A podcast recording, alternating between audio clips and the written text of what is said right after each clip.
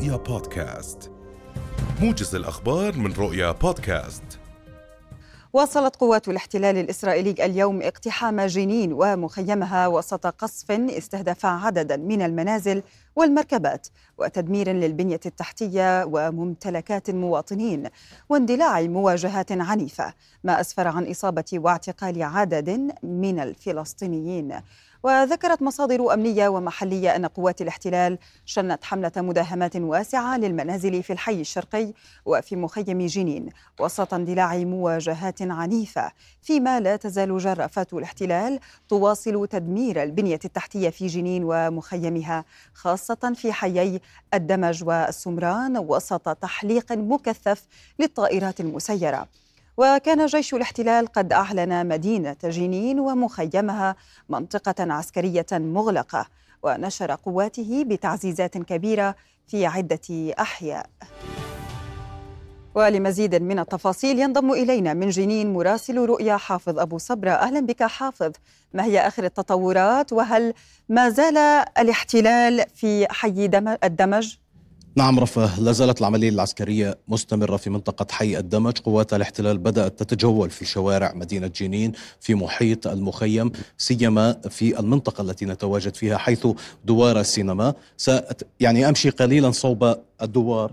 لربما لا نستطيع الوصول إلى الدوار لأنه الاحتلال منذ قليل فقط كان يطلق الرصاص صوب السيارات التي تحاول المرور عبر هذا المفترق صوب الأحياء المختلفة في محيط مخيم جنين، في هذا الشارع كانت جبات الاحتلال منذ قليل تتجول تتحرك بمحيط المخيم بالتحديد في محيط حي الدمج حيثما يسمى بطلوع الغبز الذي شاهدتموه قبل قليل عندما كانت الجيبات العسكرية تطردنا بعدما حاولنا الاقتراب أكثر من مركز العملية العسكرية. هنا في منطقة دوار السينما قبل قليل أصوات الرصاص كانت تستهدف آه، المركبات الفلسطينية التي تحاول المرور عبر هذا المفترق الرئيسي الذي يؤدي إلى عدد من الأحياء في محيط مخيم جنين وإلى السوق المركزي للمخيم فيما على ما يبدو أن جيبات الاحتلال تتواجد مجددا عادت لتتواجد على الشارع الموصل صوب مستشفى جنين الحكومي هذا بعد أن كانت انسحبت من محيط المستشفى وقال دكتور وسام بكر بأنه قوات الاحتلال ابتعدت عن مدخل المستشفى حافظ هل دفع سنرصد إن كانت نعم. لا زالت مت... نعم هل دفع بتعزيزات نعم. عسكرية؟ رفع لا الجيبات عادت الجيبات عادت. لا, لا لا لم يدفع منذ ساعتين. على الأقل الجيش الإسرائيلي لم يدفع بتعزيزات عسكرية. هنا نرصد آه، عودة جيبات الاحتلال إلى هذا الموقع لتغلق الشارع آه، الموصل بين آه، دوار السينما ومدخل جنين الرئيسي وصولا الذي يتوسطه مستشفى جنين الحكومي. حافظ هل وقعت أي إصابات جديدة أو اعتقالات رصدت؟ حتى اللحظة ليس لدينا معلومات. الحديث يدور عن هنا عن أن هناك إصابة داخل حي الدمج ملقى على الأرض شاب. لا ندري ما هو وضعه الصحي الطواقم الطبية لا تستطيع الوصول إليه. فقط آه، كما قال أحد أفراد الطواقم الطبية قبل قليل في شهادة رصدناها معه عند مدخل حارة الدمج. قال بأن قوات الاحتلال رفضت سمح لهم بالدخول إلى الحارة لاستكشاف آه، آه، إن كان هناك مصابين ولكن بعض المواطنين أخبروهم بأن هناك شخص ملقى على الأرض مصاب. ترفض الطواقم الطبية أن يقترب ترفض قوات الاحتلال عفوا أن تقترب أن يقترب منه أحد.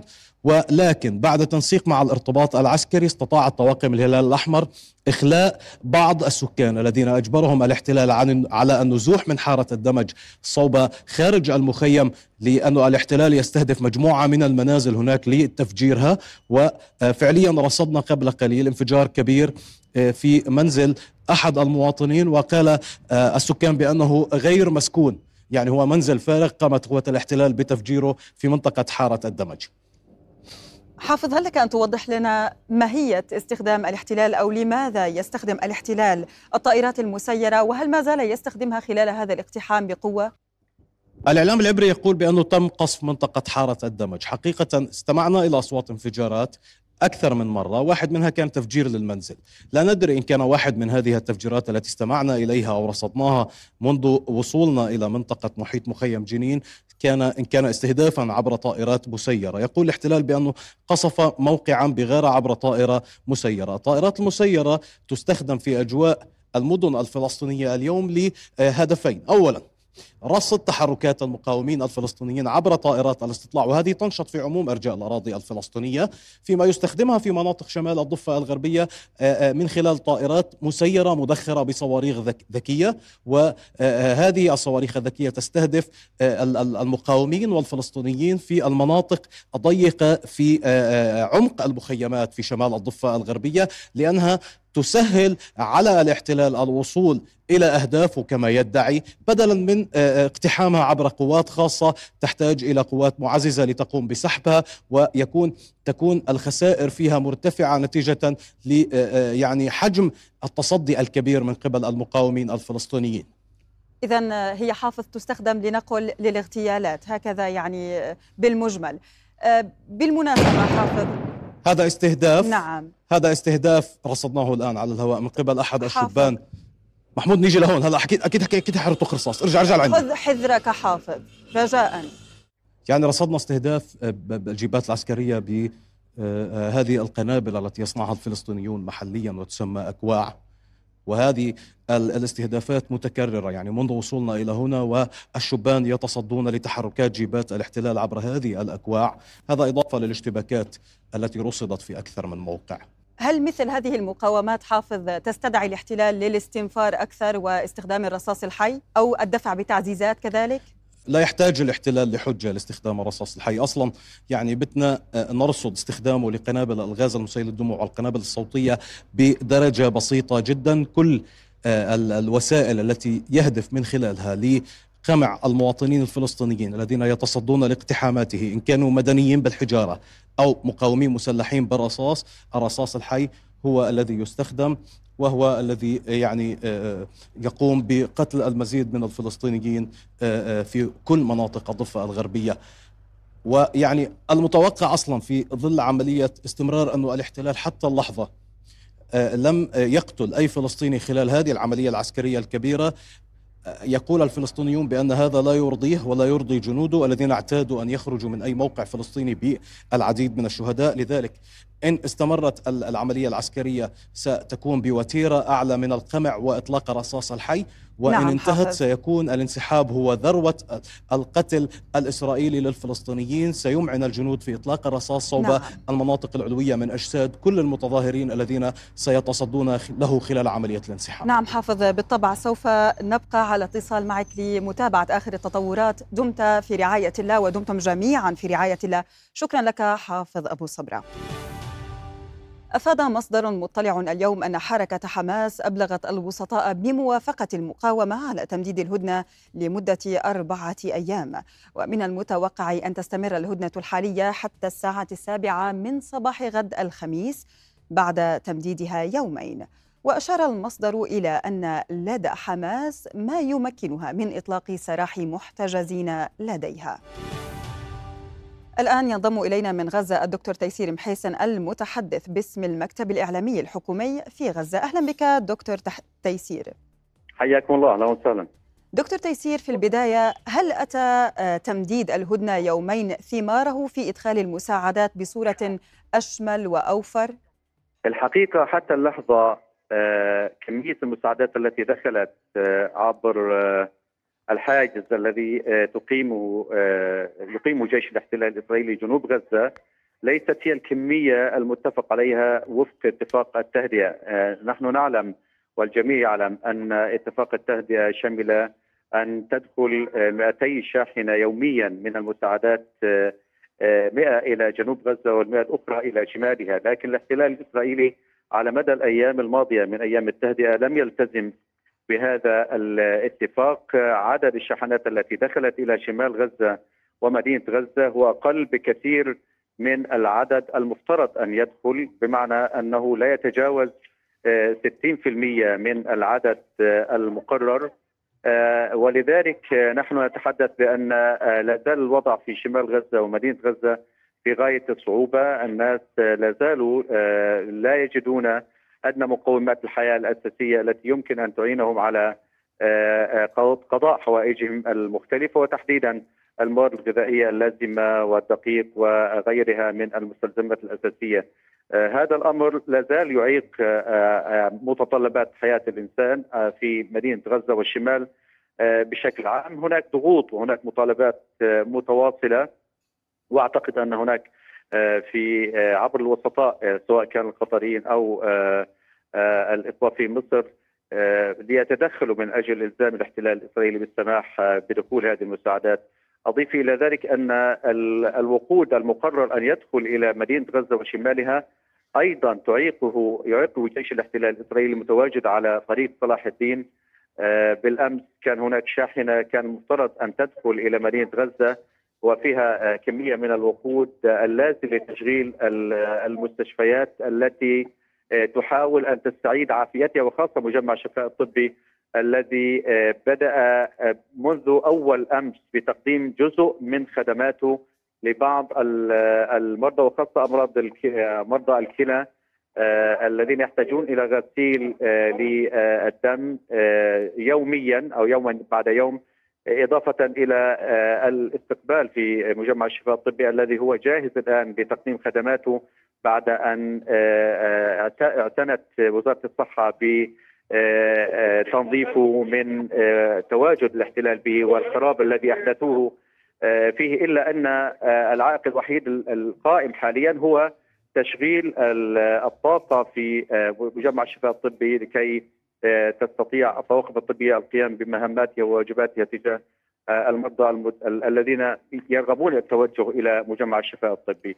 الحالة الوحيدة التي أستطيع أن أقول أنها شبه مستقرة هي المستشفى المعمداني الذي يتواجد فيه والذي بات هو الوحيد الذي يستقبل الجرحى آه، ويعتني بهم آه، داخل أروقته آه، الضيقة ومساحته الضيقة أيضا حيث كثافة المصابين المتواجدين لا زالوا لا زالت كثيرة جدا رغم خروج عدد لا بأس فيه من هؤلاء المصابين عبر التنسيق نعم. الذي تقيمه أو تقوم به الأمم المتحدة مكتبها هنا في غزة عبر الاحتلال الإسرائيلي نقلهم إلى جنوب غزة نعم دكتور تيسير بالنسبة اسمح لي دكتور تيسير بالنسبة للهدنة كيف تتلقون أخبار احتمالية تمديد الهدنة؟ وكذلك كيف تعتقدون أن الخروقات في هذه الهدنة لها أن تجابه؟ الجزء الأخير لم أسمعه ولكن بخصوص موضوع التهدئة أعتقد أن الظروف الموضوعية التي لا زالت قائمة والتي باتت أكثر وضوحا خلال الأيام الفائتة حتى هذه اللحظة تقودنا إلى آه، آه، قناعة آه، من حيث المبدأ أن الإطار العام لدى الاحتلال الإسرائيلي والمقاومة الفلسطينية إلى جانب الأطراف الدولية الأخرى والوسطاء المتدخلين من أجل الحصول على تهدئة أو الوصول إلى تهدئة لا زالت قائمة. بل بالعكس تتعزز يوما بعد يوم. وخاصة أننا رصدنا أن حضور هذه الشخصيات الوازنة منذ أول أمس وأمس رئيس الموساد الإسرائيلي ورئيس السي الامريكي المتواجدان في آه، قطر آه، في هذه اللحظات. أعتقد أن هذا الثقل من هذه الشخصيات يدلل على أن هناك اهتمام كبير بضرورة آه، التواصل من أجل التوصل إلى تهدئة إضافية أيام إضافية على الأقل.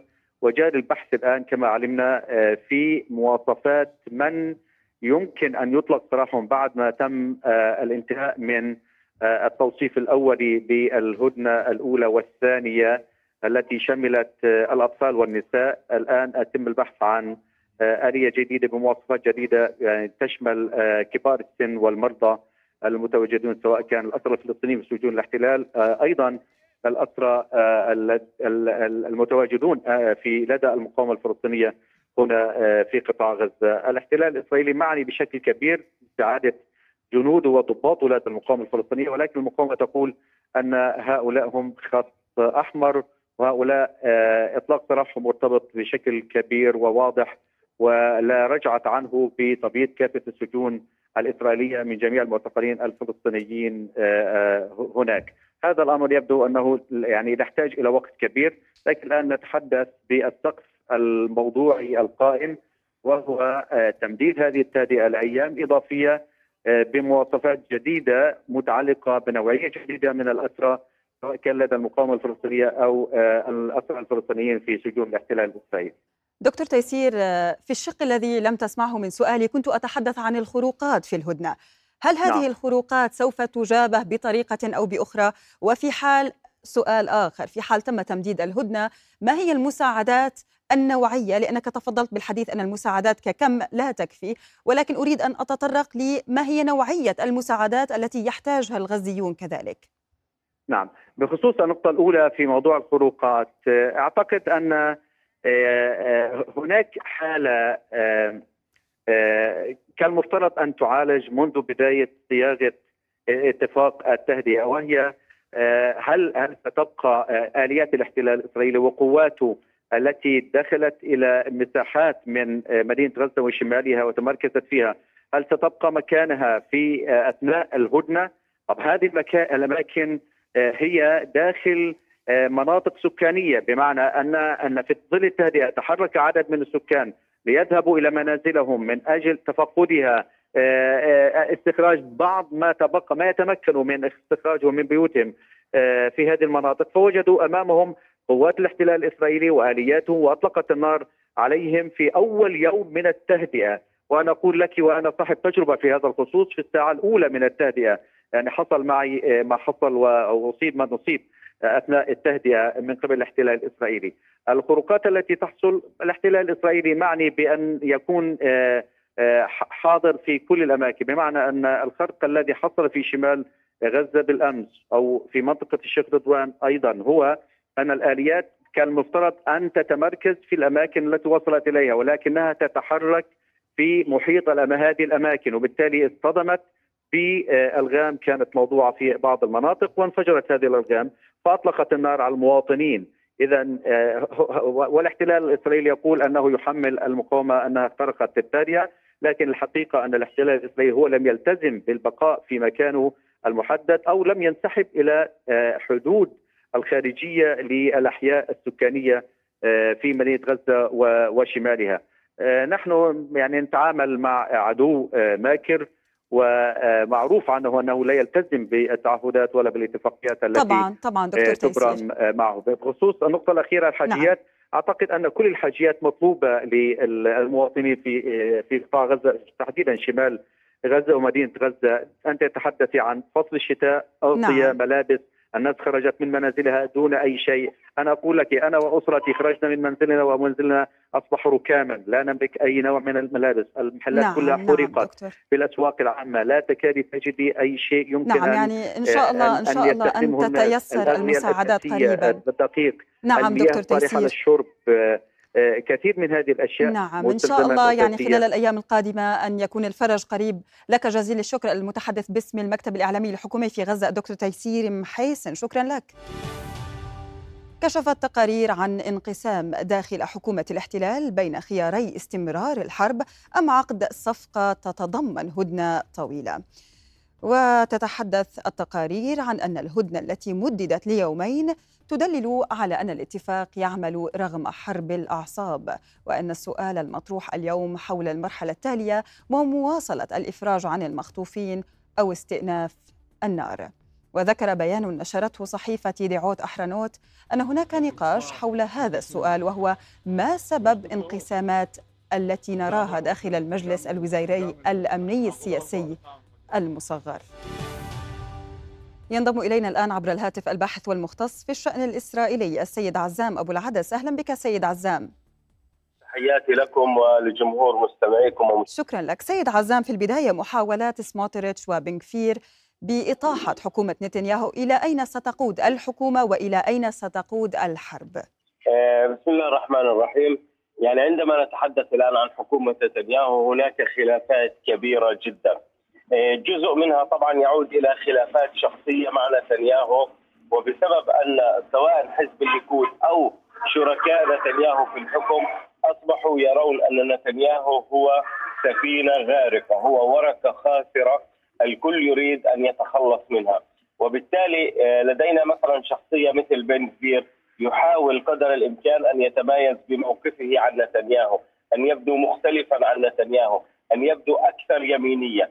ولذلك يضغط على نتنياهو بموضوع الاستقالة بأنه إذا هذه الحرب توقفت فإنه سيستقيل، معنى استقالة بن بأن نتنياهو سيخرج من الحكم وسيخرج من الحكومة وسيفقد الائتلاف أغلبيته في الكنيسه وبالتالي هذا تهديد كبير. وما يحاول الآن القيام به هو أنه يريد أن يضمن لنفسه مقاعد في الانتخابات القادمة بأي طريقة كانت لا سيما أن استطلاع الرأي أعطى بن كبير أقل من نسبة الحسم بمعنى أنه إذا دخل إلى الانتخابات في مثل هذا الوضع الحالي ووفق هذه الاستطلاعات لن يحصل حتى على مقعد واحد وهذه كارثة بالنسبة إليه.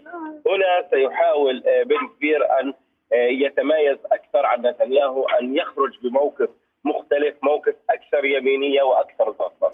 اذا يعني هي مصالح شخصية سيد عزام، بناء على هذا هل تأتي الأولى نعم مصالح نعم. شخصية نعم. أيضا موضوع الضغط لاستمرار الحرب هناك مشكلة يعاني تعاني منها إسرائيل في هذه القضية هو أنه في الأيام الأولى من الحرب كان هناك سقف عالي جدا يعني الحديث كان يدور عن تسوية غزة في الأرض هزيمة حماس بشكل كامل آه، التخلص من القيادة السياسية والعسكرية لحماس وإعادة الأسرى الإسرائيليين بالقوة لكن آه، عندما رأى المواطن الإسرائيلي أن كل ذلك لم ولن يتحقق تحول الأمر إلى صورة هزيمة وليست انتصار. طيب سيد عزام بما أنك تحدثت عن المستوطن الإسرائيلي اسمح لي أو الراي العام بشكل عام، اليوم الحديث يدور خلال الصفقة صفقة تبادل الرهائن أو الاسرى عن الاسرى المدنيين فقط لدى المقاومة، الاسرى الجنود أو العسكريين، هل لأهاليهم أن يشكلوا ضغطا كبيرا على حكومة نتنياهو؟ وبالتالي هذه الهدن سوف تمتد ونصل إلى تبييض السجون؟ يعني على ما يبدو بأن هذا هو الاتجاه بالرغم كما قلنا بان المجتمع الإسرائيلي كله معبأ لأجل هذه الحرب يعني أنا على مدى 20 عام من مراقبة وسائل الإعلام الإسرائيلية لم أرى حجم تعبئة وتحشيد وإجماع في الشارع الإسرائيلي على على حرب مثل هذه الحرب. إسرائيل تعتبر أن هذه الحرب هي مسألة وجود وخسارة إسرائيل في هذه الحرب سيترتب عليها الكثير جدا مما تخسره وبالتالي هناك تعبئة في الرأي العام لهذه الحرب. استمرار التهدئة بهذه الطريقة سيضغط على نتنياهو أكثر بمعنى بأنه كلما أفرج على عدد آخر من المحتجزين لدى المقاومة أهالي البقية سيضغطون وتحديدا أهالي الجنود، الجندي له قدسيه خاصة في المجتمع الإسرائيلي. وهنا يعني نتنياهو يحمل مسؤولية مزدوجة. كونه القائد الأعلى للقوات المسلحة في العرف الإسرائيلي. آه، الجيش له مكانة خاصة في المجتمع الجندي له مكانة خاصة. فبالتالي ترك الجنود في الخلف يعتبر خطيئة في العقلية الإسرائيلية. ومن هنا المقاومة تدرك بأن لديها أوراق ضغط كبيرة. والحديث هنا لا يدور عن عدد قليل من الجنود اولا ربما عن 160 جندي. هذا رقم واحد. رقم اثنين نتحدث عن رتب عليا. لدينا عقداء لدينا آه، قادة فرق لدينا آه، قادة سرايا لدينا أيضا ربما بحسب ما أذكر ثلاث ضباط استخبارات آه، لدينا جنود في وحدات الاستخبارات وحدة 8200 نعم. آه، لدينا أيضا ربما ضابط وجندي على ما أذكر في وحدة الاستخبارات العسكرية أمام شعبة الاستخبارات اذا ربما سيد عزام هذا الذي سوف يغير المشهد أو سوف نبني عليه المشهد في الأيام القادمة. السيد عزام أبو العدس المختص في الشأن الإسرائيلي كنت معنا عبر الهاتف. لك جزيل الشكر. ومن هنا ننتقل إلى غزة وبالتحديد شمال غزة مع الصحفي الفلسطيني الأستاذ عماد زقوت. أهلا بك أستاذ عماد. هل تسمعني أستاذ عماد؟ تمام تمام صحيح أهلا بك سيد عماد هناك أنباء عن سماع أصوات انفجارات في شمال غزة هل لك أن تطلعنا على التفاصيل وعلى الحال بالمجمل؟ نعم الآن ميدانيا الآليات العسكرية الإسرائيلية تتمركز في شمال مدينة بيت حنون وكذلك تتمركز في المناطق الغربية لشمال قطاع غزة ولمدينة غزة. هذه الآليات تطلق النيران على المواطنين الذين يتقدمون منها وسواء في بيت حنون أو في المناطق الغربية. قبل قليل كان اطلاق النار واطلاق قنابل دخانية واطلاق قنابل صوتيه القنابل الدخانية تسببت في اشتعال النيران في بعض المنازل وبعض محلات المفروشات. وكذلك هنالك كان اصابه مواطنين اثنين في شمال مدينة جراء إطلاق النيران من هذه الآليات العسكرية إصابة أحدهم إصابة خطيرة طائرات الاستطلاع ما زالت هي تحلق بشكل كثيف في أجواء شمال قطاع غزة ومدينة غزة. تم انتشال جثة شهيد صباح اليوم تم إطلاق النار عليه بالأمس من قبل الآليات العسكرية غرب مدينة غزة وتم انتشاله صباح اليوم وتحويله لمشفى كمال عدوان. هذه الآليات العسكرية كما تحدثت هي تطلق النيران على مدار ساعة بين الحين والآخر سواء تجاه المواطنين الذين يتقدمون إليها الذين نزحوا عن منازلهم ويريدون العودة إلى منازلهم وهي قريبة من تمركز هذه الآليات. وكذلك آه، هنالك اشتعال النيران في بعض المنازل وكذلك المحلات التجارية في محيط آه، تمركز هذه الآليات العسكرية الاضطراريه. سيد عماد بالنسبة لي نعم. اعذرني بالنسبة للبنية التحتية في شمال غزة كيف هي وكذلك كيف يتم دخول المساعدات في ظل الدمار الذي تشهده المنطقة؟ نعم أنا منذ الصباح كنت في جولة وما زلت في جولة سواء في شمال قطاع غزة أو في حتى في مدينة غزة هنالك دمار وخراب كبيرين سواء في الشمال وفي مدينة غزة الآن أنا متواجد في مدينة غزة. كنت في مستشفى كما مستشفى الشفاء وفي شوارع شارع الوحدة وفي شارع المختار عمر المختار وهو الشارع الأشهر في غزة وهو شارع تجاري. وجدته قد دمر بشكل كامل البنية التحتية دمرت بشكل كامل المجلس التشريعي مقر المجلس التشريعي تم تدميره بشكل كامل. هناك قاعه المؤتمرات ورشاد الشوى وهي الأشهر في قطاع غزة. وقد دمرت بشكل كامل. هنالك مدارس هنالك محلات تجارية دمرت هنالك الشوارع دمرت بشكل كامل وكأن زلزالا ضرب المنطقة. آه، كذلك في شمال قطاع غزة المناطق الشمالية من هذه المنطقة والمناطق الغربية منها آه، دمرت بشكل كبير. والمواطنون الآن هم في شمال قطاع آه، محصورين في المنطقة الجنوبية للمنطقة الشمالية وكذلك في مدينة غزة المواطنون هم محصورون في المنطقة آه، الشرقية الجنوبية لمدينة غزة. مخيم الشاطئ أيضا دمر بشكل كبير آه، وهو يقع غرب مدينة غزة والآليات العسكرية تتواجد بالقرب منه آه، هنالك حالة من الدمار في هذه المنطقة. هنالك إشكاليات في ما يتعلق بالوضع البيئي سواء في شمال قطاع غزة أو مدينة غزة. هنالك أكوام كبيرة من القمامة متواجدة في كل شارع. هنالك جثث الحيوانات أيضا متواجدة في الشوارع والتي قتلت بفعل التدمير والصواريخ وكذلك آه، مياه الصرف الصحي وهي منتشرة في الشوارع آه، جراء آه، القصف والتدمير الذي أصاب المضخات نعم أستاذ عماد شكرا لك ولنقلك هذه الصورة. نتمنى بالطبع أن يكون الفرج قريب والرحمة الواسعة للشهداء السيد عماد زقوط الصحفي الفلسطيني كنت معنا عبر الهاتف من غزة. شكرا لك. ختام هذا الموجز في أمان الله.